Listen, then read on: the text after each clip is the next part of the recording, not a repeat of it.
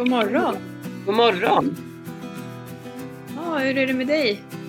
Det är bra, men jag är lite trött jag gick och la mig så sent igår så att jag är typ nyvaken. Jag gick upp för ungefär 20 minuter sedan. Ja, då får man, ju, då får man nog säga att man är nyvaken faktiskt. Ja. Är, får man ju skylla sig själv då om man är lite trött va?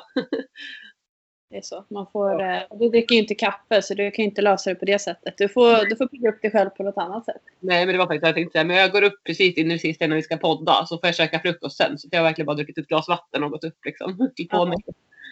Sitter på kontoret nu. Ja. Hur är det med dig?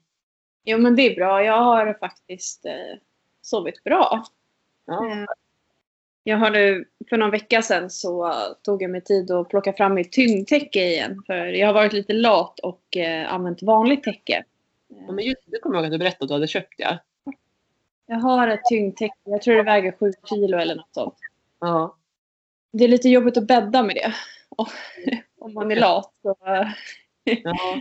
otympligt. Men eh, nu har jag i alla fall eh, fixat det för någon vecka sedan. Och eh, alltså jag tänkte då när jag sov med vanligt täcke att nej men så stor skillnad är det väl ändå inte. Men eh, det är verkligen. För jag, när jag vaknar så är jag mycket kallare. Alltså jag, är, jag blir så varm ibland när jag sover med vanligt täcke för att jag rör mig så mycket och typ sover oroligt. ja okej. Ja, men det här tyngdtäcket det får mig att ligga mer still på natten och antagligen så sover jag väl bättre och det blir bättre kvalitet på sömnen. Mm. Det låter jättebra. Att det funkar.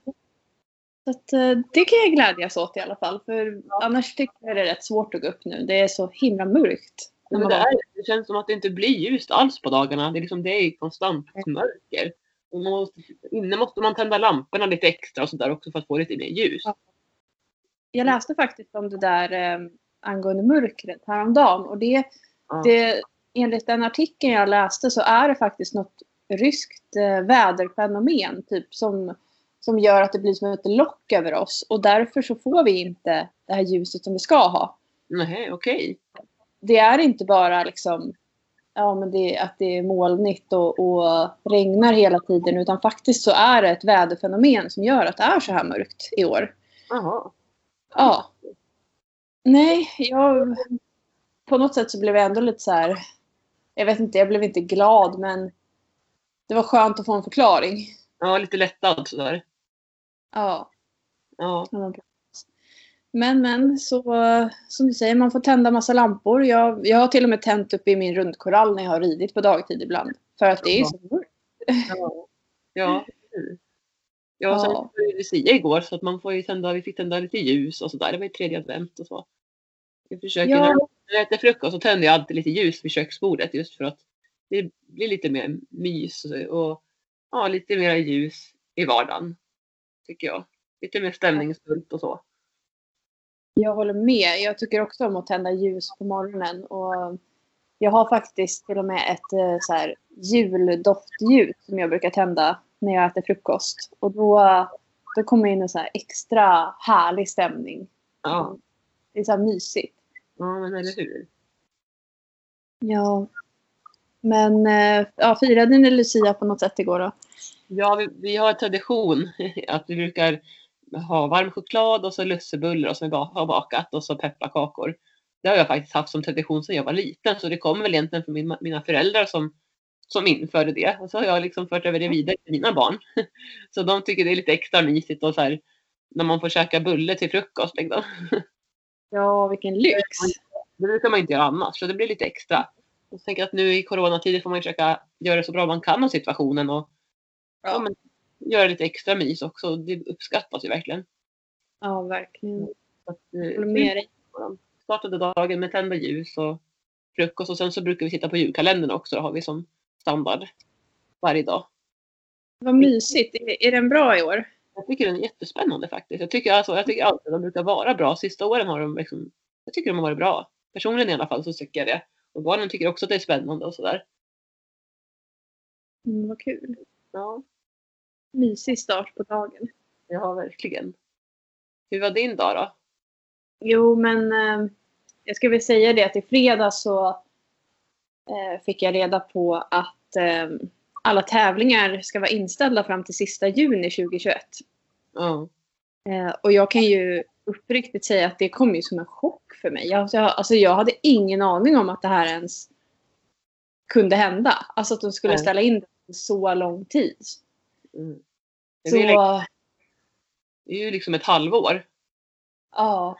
Det, och det känns jättekonstigt att fatta det beslutet så långt i förväg. För jag tänkte att ja, men nu är vaccin på gång och alltså det händer saker. Men ja, sen kom det där som en bomb. Ja, Jag blev inte, alltså jag, jag blev inte lika ledsen som jag blev förra året. Eller i år var det väl i, i början på året när tävlingarna blev inställda. Mm. Um, då blev jag ju jättebesviken liksom. Men nu känner jag bara, ja men det är liksom ingen idé att, att planera så mycket för mig. Nej. Um, jag har tappat så mycket tid med mina hästar som behöver kvalas.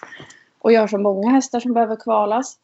Och alltså innan, om det nu blir så att tävlingarna är inställda fram till sista juni, då, då har jag backat tillbaka jättemånga nivåer med, ja, men med alla hästarna. Och för att inte det ska stressa mig så måste jag liksom tänka att ja men jag kanske inte kommer vara på landslagsnivå då på ett tag. Nej. Rent krasst. Alltså det, det kanske inte går att få ihop det.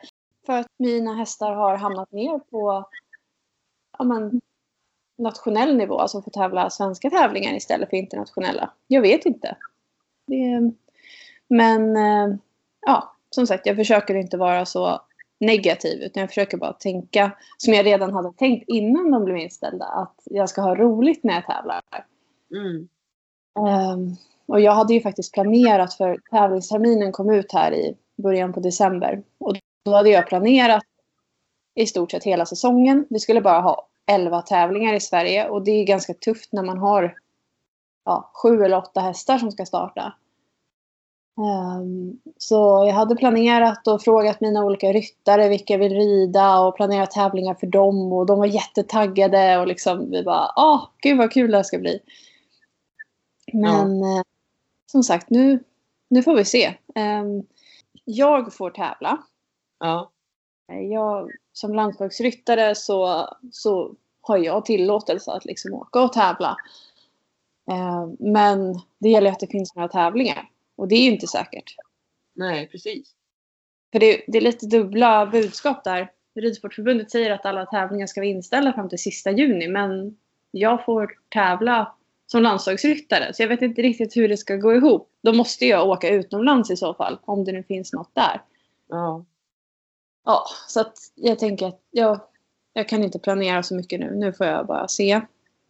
Eh, och eh, sen så vet jag att Ridsportförbundet försöker att, få igenom att vi ska få något undantag. Eh, så att vi får tävla under de här rådande, ja, under den rådande situationen. Vi Mm. har ju tävlat i år och det har varit coronaanpassat.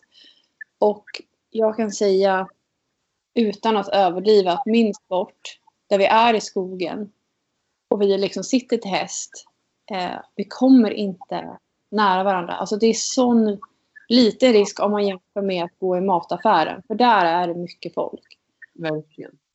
Ja, så att det är liksom svårt. Det blir, det blir så Ja, orättvist. det. Ja, jag förstår vad du menar. Alltså, precis som du säger, ni är ändå ute i naturen, ni håller avstånd, ni är inte nära, ni sitter till häst men ni rider, ni är liksom ute flera timmar.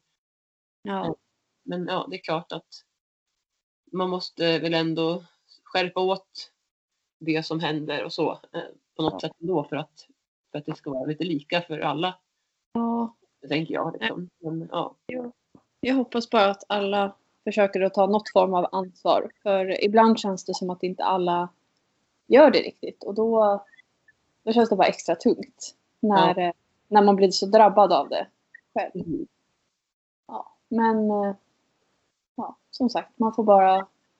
Det är klart att man vill stoppa den här pandemin. Det är ju liksom det som är viktigast. Men eh, ja, det, det är frågan hur man ska göra det. Liksom. Och det vet väl inte riktigt regeringen heller. Så Nej, det är ingen lätt situation som vi befinner oss i. nej, det är inte det. Nej, Nej. Men jag är glad för det man får göra i alla fall. Det finns ju Ja. ändå fortfarande lite saker man kan göra utifrån de restriktionerna som finns. ja, vi får väl ändå tänka som vi har pratat om i andra avsnitt också att vi i Sverige har det väl ändå hyfsat eh, bra liksom. Jag menar som vi pratade om tidigare där i början på pandemin också så var det många länder som inte ens fick åka till sina hästar till sina stall liksom. Nej, precis. Där får man väl ändå se det som att vi hittills i alla fall har det bra. Vi kan röra oss. Precis, och det finns ändå mycket saker att göra. Det är ju jättemycket som har digitaliserats, olika tävlingar och sånt som gör att man kan faktiskt få någon form av tävlingskänsla ändå. Även om de Ja. vanliga tävlingarna är inställda. Ja. Ehm, Och apropå det så har jag eh, signat upp för en tävling. Jag gjorde det för några veckor sedan. Okej. Och det är eh, Jämtsäker som eh, arrangerar våghalsar på distans. Ja. De har haft en, en vända förut tror jag. Så det här är nog eh, tävling nummer två som de arrangerar. Och där är det fem olika utmaningar man ska genomföra innan den sista januari. Eh, och då när du anmäler dig får du välja om du vill vara uppsutten eller ja, göra övningarna avsuttet med din häst. Och så är det olika övningar då beroende på vad du väljer. I och med den här utmaningen så blev jag extra motiverad till att eh, genomföra en ordentlig Lucia-ritt här på Lucia. Eh, och Lucia var ju faktiskt på en söndag i år. Vilket var jättebra för att då brukar jag ha många ryttare som kan komma ut och rida. Så eh, vi gjorde faktiskt ett lussetåg här. Det var himla roligt. Jag såg det på Instagram och det såg så härligt ut. Jag har lagt ut både filmer och grejer och då har jag också lagt ut det på en podd ju. Ja men precis. Så där kan ni se ett litet, litet eh, kort klipp på vår utflykt. Ja. Men en, en del av den här utmaningen som vi ska göra är att hjälpa tomten. Mm. Och då så spånade jag och eh, en av de andra som är med från stallet att men hur ska vi göra det här? Och men hon sa ja, men jag kan göra små paket som vi kan dela ut som är coronasäkrade med det var liksom kolor, alltså sånt godis som, eh, som är inslaget. Som inte någon har kommit åt. Liksom. Så att eh, hon köpte några lådor med sånt. Och sen så gjorde hon julklappar. Och så hade vi med oss det i sadelväskor när vi red ut. Och vi, ja, det var jätteroligt. En bra idé liksom. Ja, alla som var med var ju utklädda. Jag tycker faktiskt att alla i stallet hade, alltså hade ansträngt sig. Eh, sen eh, var det ju några av oss som, ja, men som jag till exempel, jag hade, jag pyntade med ljusslingor på Orys. Så att han hade ljusslinga på tränset och sen hade han en i svansen också. Så att han syntes. Ja. Ehm, och eh, vi lyckades få fast dem väldigt bra faktiskt. De har ju de här, de här batteripacken då som väger lite och är lite otympliga. Men eh, jag använde sån här buntband och satte fast batteripacket i käkremmen på tränset. Mhm. Och eh, på baksidan satte jag fast det i täcket, ländtäcket. Det var smart. Ja, det, och, och det, det satt ju. Alltså vi, vi travade ju mest under ritten och sen skrittade vi lite grann när vi delade ut paketen. Men det var ingenting som lossnade så det var jag väldigt stolt över. Var bra. Ja. eh, Men eh, nej, och sen hade jag pepparkaksdräkt på mig och eh, Emma hade också det och vi hade varsin mörkgrå häst så att det såg ut som att vi liksom var ja men de två parhästarna fram till och vi red mest i täten så Ja. först kom pepparkakor och sen avslutade ledet gjorde vår tomte då. då. Ja. Ja. Så alla nio hästarna var med. Mm. Eh, Vi red upp i eh, ett bostadsområde. Eller ja, ute på landet. Men det är mycket sommarstugor och sånt. Men även eh, permanent eh, boende personer. Och där hittade vi först inte så jättemånga människor. Men sen på vägen tillbaka då tror jag kanske att folk hade sett oss. Så vi, vi red liksom samma väg tillbaka. Och då var det faktiskt flera som hade kommit ut. Och det var några barn vi såg på håll som liksom stod och tittade. Och vi hörde att de liksom lät så här exalterade. Och Åh, Så. ner här mot dem. Så, red vi och så hörde man på håll. "Åh, Jag sa ju att det var en tomte! Eh, Och sen eh, när vi kom närmare så ropade jag och frågade vill ni ha en julklapp? Ja! Så sprang de Det var väldigt, en väldigt härlig känsla. Eh, måste jag säga. Ja. Och alla vi mötte var ju jätteglada. Eh, vi hade några vi mötte som var ute och gick. Eh, som, som sa det bara, men, men gud vi möter er här. Det är liksom det är så grått och tråkigt och det regnar och så kommer ni och lyser upp och det här gjorde vår dag. Och de var verkligen genuint lyckliga över att träffa oss. Det var ju verkligen superhärligt. Förstår det. Alltså, det är jättekul när man kan göra något sånt där också. Framförallt i coronatider.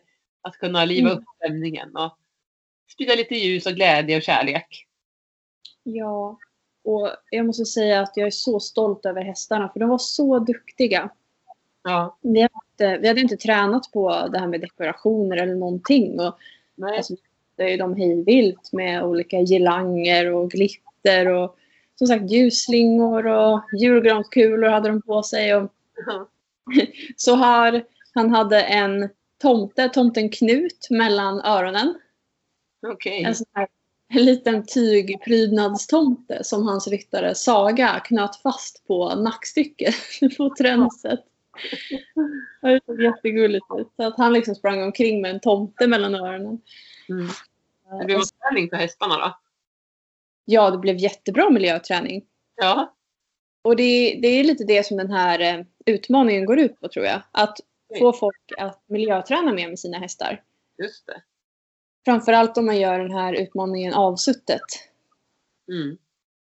Eh, Men sen ska jag ju säga att eh, jag hade också med mig en bluetooth-högtalare som jag spelade julmusik i hela ritten.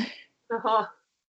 Ja, och jag hade först inte tänkt att ha den på Orus för jag tänkte nej men det har aldrig, jag har aldrig provat det och jag vet inte hur han kommer reagera för att han tyckte inte om högtalaren när vi hade klinik här. Han tyckte det var lite läskigt. Ja, det kommer jag ihåg. Ja. Ja, men det fick bli så att jag fick ha den på mig för eh, det var så dålig mottagning om jag hade telefonen som spelade eller streamade musiken och högtalaren var två hästar bakåt, bakom mig. Just det. Ja. Då hackade det hela tiden och det blev inte så trevligt. Så då sa jag, men jag provar att ha högtalaren. Och Orus brydde sig inte ett dugg om det. Han tyckte liksom... Han, jag vet inte om han tyckte det var roligt, men eh, han var väldigt glad i alla fall hela ridturen. Så bra. Ja, så att eh, vi spelade julmusik för fullt och så då hördes vi också lite mer på håll. Ja. Det var kul. Ja, men det var superhärligt. Vi delade ut 46 stycken paket blev det. Oj, vad mycket. Ja, det, det kändes inte som vi träffade så många, men många av dem vi träffade var kanske två, tre stycken. Och så fick de varsitt paket och sen var det någon som fick till sina barnbarn som skulle komma någon dag senare. Mm. Eh, och det, hade, det var ju jättemånga, typ alla av dem vi mötte, de fick fotade ju eller filmade oss. Mm. Även, eh, även folk som körde förbi med bil, de körde ju extra långsamt och fint. Sen så fick jag faktiskt veta att eh, det var i alla fall två personer som hade skrivit i en Facebookgrupp för, eh, för det här området som vi red i. Att de hade lagt ut bild på oss och, och liksom Tack så jättemycket för att ni kom förbi och överraskade med tomte och tomtenissarna och presenter. Och, Ja. Ja, men det var alltså, positivt liksom och det var så extra kul att se för att det är ju viktigt att vi med hästar Alltså vi måste ju komma överens med alla markägare och folk som man träffar ute på vägarna och ibland som vi har pratat om tidigare så kan ju folk vara ganska Alltså tycka att ja, men hästarna bajsar eller Alltså det är mycket diskussioner om sånt. Mm, eller hur? Så då kändes det, det kändes kul att liksom visa Ja men titta det här kan vi också göra med våra hästar. Alltså, titta vad vi kan göra och vad hästarna kan ge er. Eller ge oss. Det handlar inte bara om att vi är ryttare som hoppar upp och rider ut en liten sväng i skogen. Eller så. Det, är så mycket, det är så mycket vi kan göra som de kan, som de kan sprida glädje med. Ja, Alla tillsammans. det var jätte, jättehärligt det var flera av personerna som, som kom fram och liksom, får jag klappa hästen? Ja, det får du göra. Hästarna stod så himla snällt och, och stilla och lugnt när, när de kom fram och skulle klappa. Och det var någon som sa, jag är egentligen rädd för hästar. Jag sa, nej, men det är inget. Det är bara att klappa. Ja. Eh, Vi var liksom höga på endorfiner och glädjehormon efteråt. ja, men det låter verkligen som en jättelyckad ritt. Det kommer garanterat eh, bli en tradition. Ja, jag förstår det. Nästa år kanske man kan göra lite större också.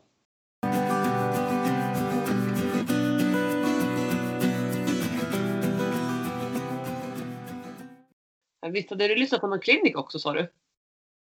Ja, jag har... ehm, jag fick en inbjudan till en klinik som Hästnet skulle arrangera. Mm. Och eh, då anmälde jag mitt intresse så jag fick en länk skickad till mig.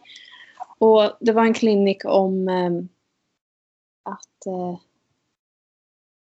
ja, fatta galoppen med din ridtravare i princip. Tror jag att det Mm. hette. Okej. Så då fick man se, först så var det lite övningar som de gjorde då med en, en jättekänd travhäst som tävlar. Och den kunde inte galoppera så då visade de lite övningar som, som hon, hon eh, som hade hästen kunde göra med den för att liksom stärka upp den. Till exempel tempoväxlingar och lite övergångar och sånt i trav och skritt. Ja. Och sen så fick man se någon annan häst som de skulle lära att galoppera och den hade aldrig gjort det under ryttare på kommando.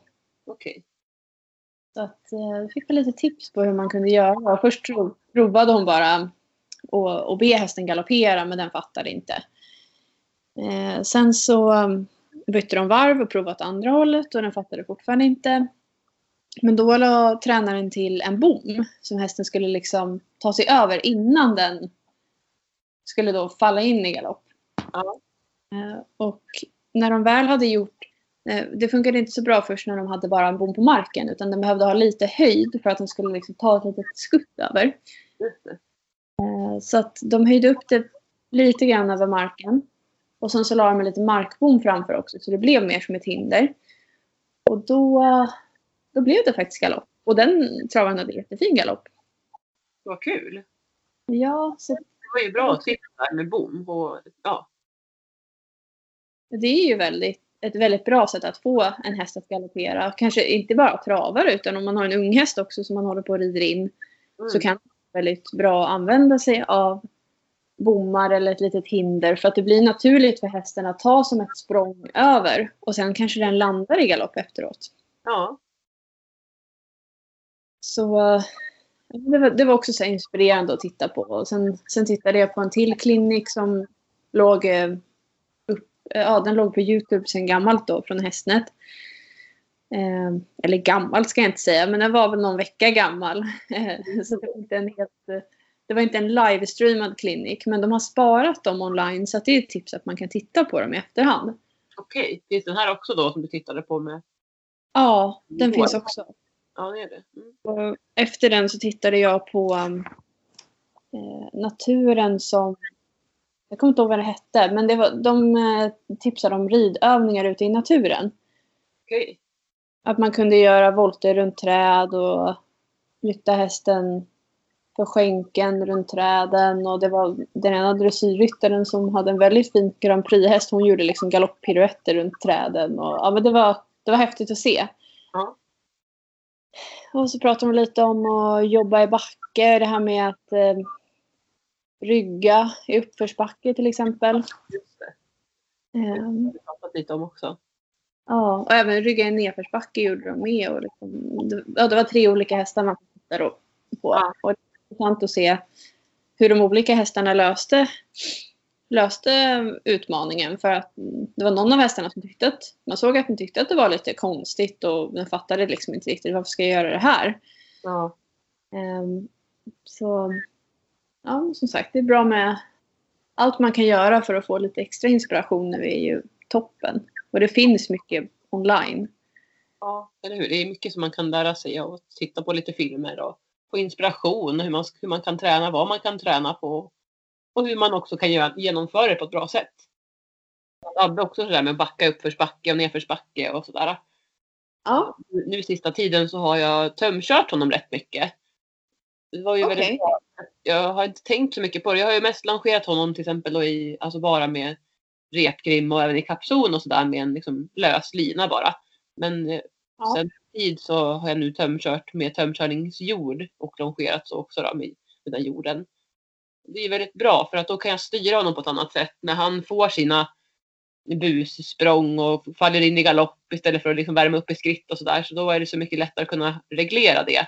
Det blir ju mycket Ja. svårare när man inte har någonting att styra med, liksom att kunna bromsa med ett spö eller liksom sitt kroppsspråk. För är hästen pigg eller liksom vi, vi hoppar till för saker och ting, då är det liksom mycket svårare att få ner hästen i lugnt tempo.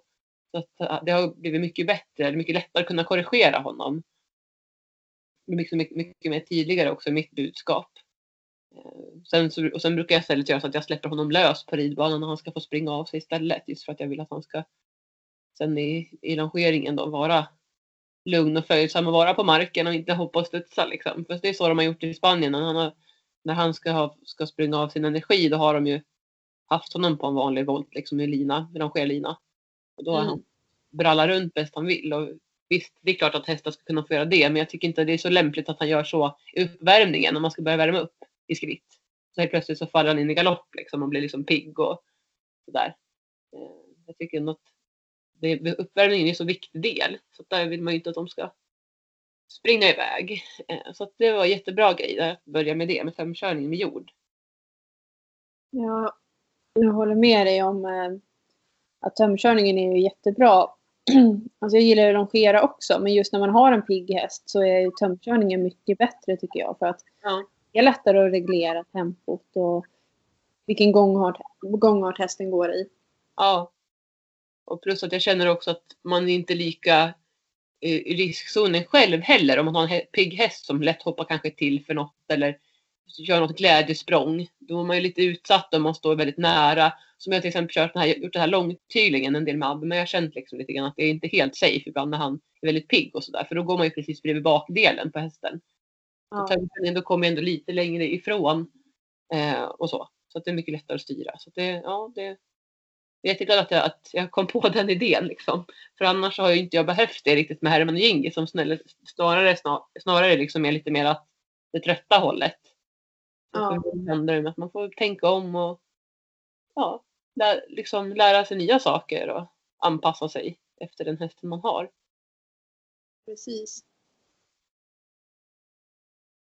Men har du något annat eh, planerat? Något särskilt som ska hända nu då? Alltså det är ganska lugnt nu. Vi- kör nu den här veckan, sista veckan innan jul. Sen är det lite julavslut, eller lite julledigt. Ett par veckor. Mhm. Eh, Så hästskötarkurserna är på pausen. Den här veckan kör vi och sen är det paus. Och sen så har jag ju då lite privatlektioner istället under jullovet för att det är en del som har efterfrågat det och sådär. När, när många är hemma nu under jul, eller de flesta är väl hemma ska jag säga. Ja. Så ja, men det, det blir bra. Och då ska jag passa på att rida en hel del själv också då. Vi, som Mm. det ser ut så kommer vi vara hemma under jul och sådär. Så att då har man tid att vara ute med hästarna och ja. Men det är väl typ det som händer. Liksom. Jag, det är inte så mycket planerat i hästväg så. Men jag ska också Nej. jobba med min, den här ridutbildningen jag går. Eh, och sen ska jag också rida för instruktör själv här igen med Abbe som jag har gjort en gång. Blir var tredje vecka så rider jag för instruktör. Eh, och så. så att, eh, det är väl det som Kul. händer här nu den här veckan. Och så. Men du red för instruktör eh, eh, för ett par veckor sedan var med Abbe. Precis. Det är två Men- veckor sedan nu då. Vad, vad gjorde ni för övningar? Är det någonting som du har tränat på hemma sen? Jag tänker om hon liksom gav något särskilt tips på vad ni behöver träna på. Ja. Men det är ju lite grann, alltså hennes filosofi är att hästen ska vara självbärig. Och vi ska inte sitta Mm. där och korrigera så mycket så utan vi tränade på att, eh, alltså det är väldigt basic. Det är ju främst hos mig det ligger om vi säger så. Eh, Mm. att ja, det här klassiska ridskolesättet som man lär sig rida, leda ut med yttertygen, som få hästarna att följa fyrkantsspåret och det här. Eh, och många gånger kan det bli kanske ganska mycket hjälp man använder. Men hon menar på att max tre hjälper ska du liksom använda.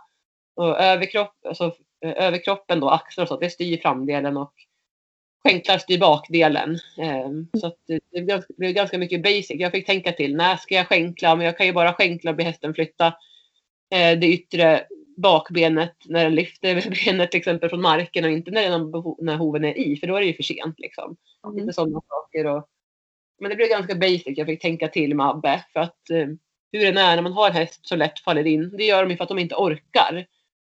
För att de inte Nej. orkar. De orkar inte bära upp sig själva. Då faller de in.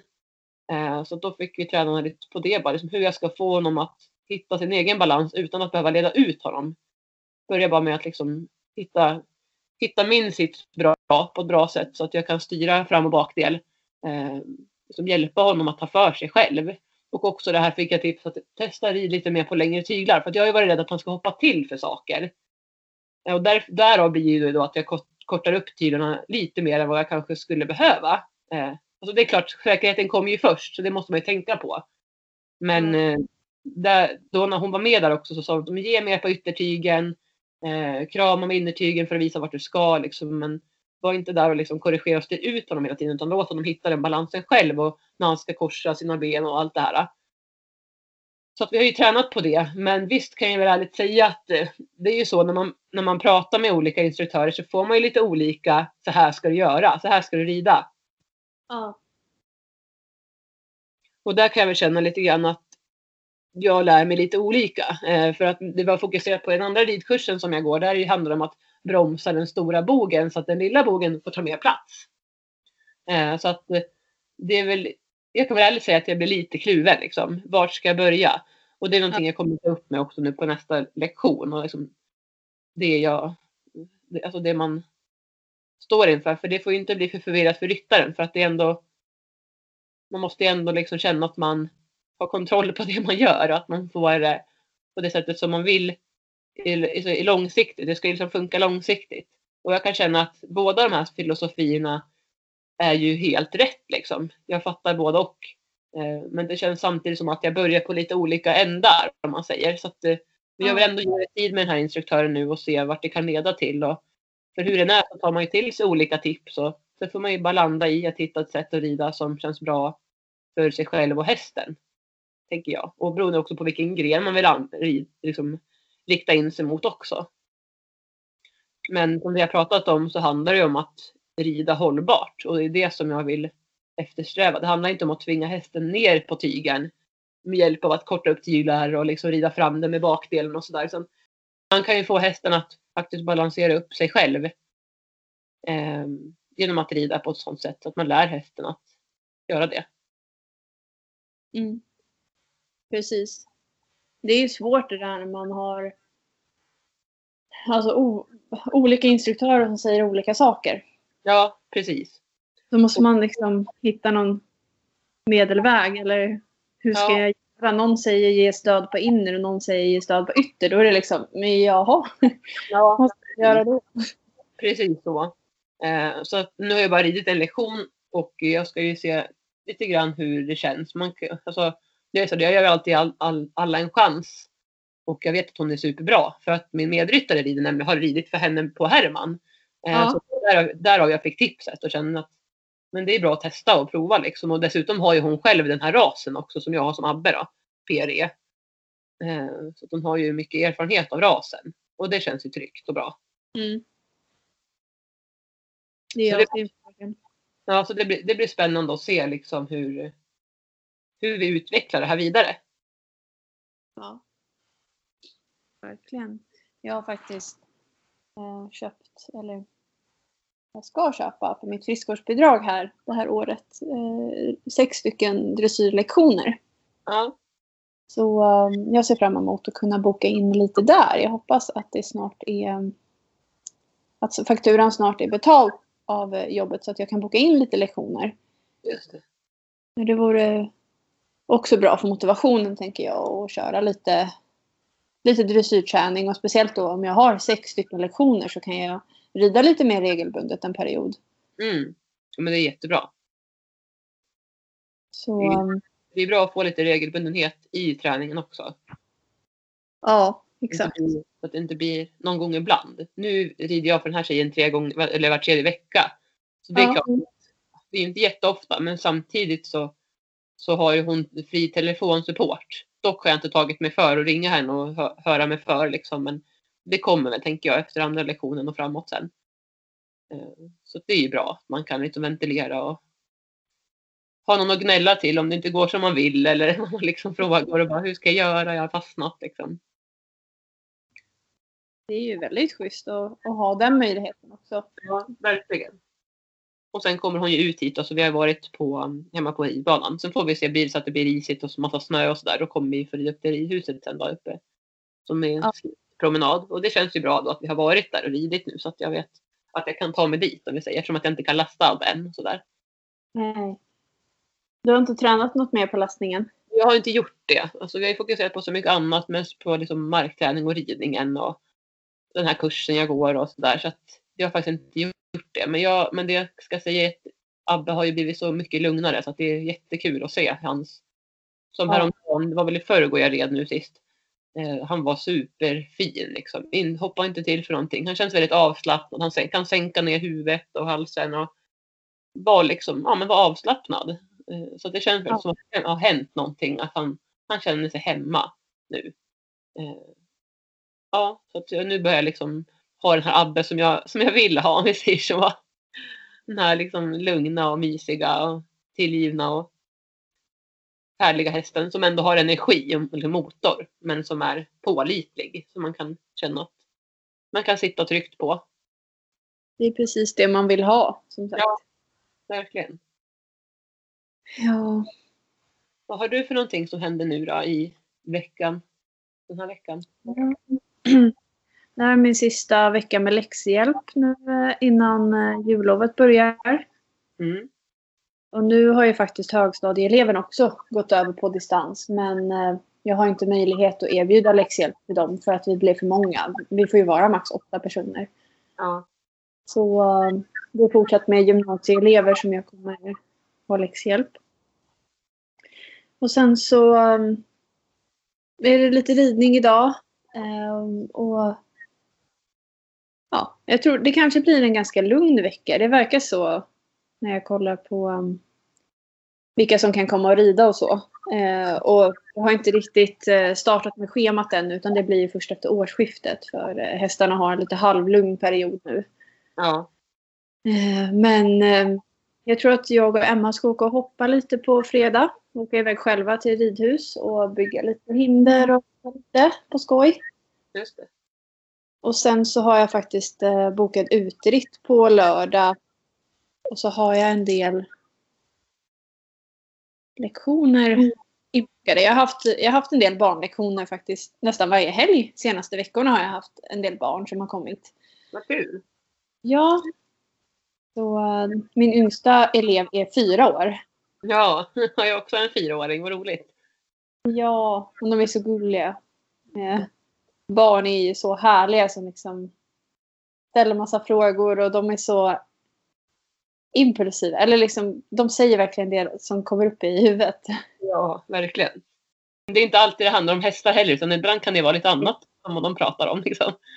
Gud, ja, jag hade min ena elev här eh, för ett tag sedan sa liksom helt plötsligt när eh, eleven höll på att rida så bara eh, Igår hade vi filmkväll hemma.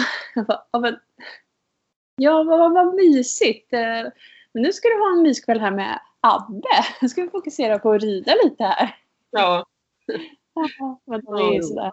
Alltså, alltså det, för dem är det väl viktigt att berätta vissa saker. Eller de liksom kommer på, att det där vill jag säga. Och så säger de det. Ja, men det är, det är inte så lätt att hålla fokus när man är så liten. Nej, men eh, så det, det blir väl en halvlugn vecka för min del tror jag. Sen nästa vecka har jag väl planerat in lite lektioner också. För då, jullovet börjar ju för de flesta nu till, eh, till helgen börjar väl ledigheten för de flesta. Så jag har bokat in ett par eh, lektioner redan på jullovet och jag tror att det kommer bli lite mer också. Eh, kanske något dagridläger också. Ett par timmar sådär för något barn som kommer. just. Det, det ska bli roligt tycker jag. Mm. Men eh, ja, det, det känns lite konstigt att se så mycket luckor i mitt schema som jag ser när jag tittar nu. Men det, det säger ju, alltså det, det tar ju bara någon dag och sen har man fyllt upp de här luckorna med någonting. Det är inte så ofta mitt schema är luftigt. Ja, men det känns verkligen jättemysigt att det ska bli jul nu framöver här. Det är inte långt kvar. Nej. Och en fördel med mörkret på kvällarna i alla fall är ju att man ser ju inte allt det gråa och, och leran ute. Så man kan ju få lite mer julkänsla då tycker jag. När man är inne i ljus. Verkligen. Tända lite ljus och sådär. Ja, precis. Och jag vet inte om det kanske kommer någon snö. Det kan ju komma snö till jul också. Det vet man inte säkert. De säger att det ska bli lite kallare då i alla fall. Det kanske är Ja, lite tidigare än, men vi kan ju hoppas på att det kanske kommer någon liten snögnutta. Ja, ja, jag hoppas det. Annars får vi sikta på att det kommer snö i januari. Ja, lite snö kan det väl komma. Mm. Ja, Ja, mina barn går på jullov den här veckan nu då. Så jag tycker de ska Ja. bli skönt att få vara lite jullediga. ja vad mysigt. Mm. Härligt. Men eh, då får, får vi önska alla en eh, fin fjärde advent. Ja, och eh, snart är det dags för jul ja, så att eh, hoppas att ni har, har fått lite julstämning i alla fall. ja, verkligen. Och haft en bra Lucia och så. Ja, Ja, men då får du ha en bra vecka Josefin och alla som lyssnar så, så hörs vi om en vecka igen. ja det gör vi. Ha det så bra. Det är så bra. Okej, kram kram. Kram, kram. Hej då. Hej då.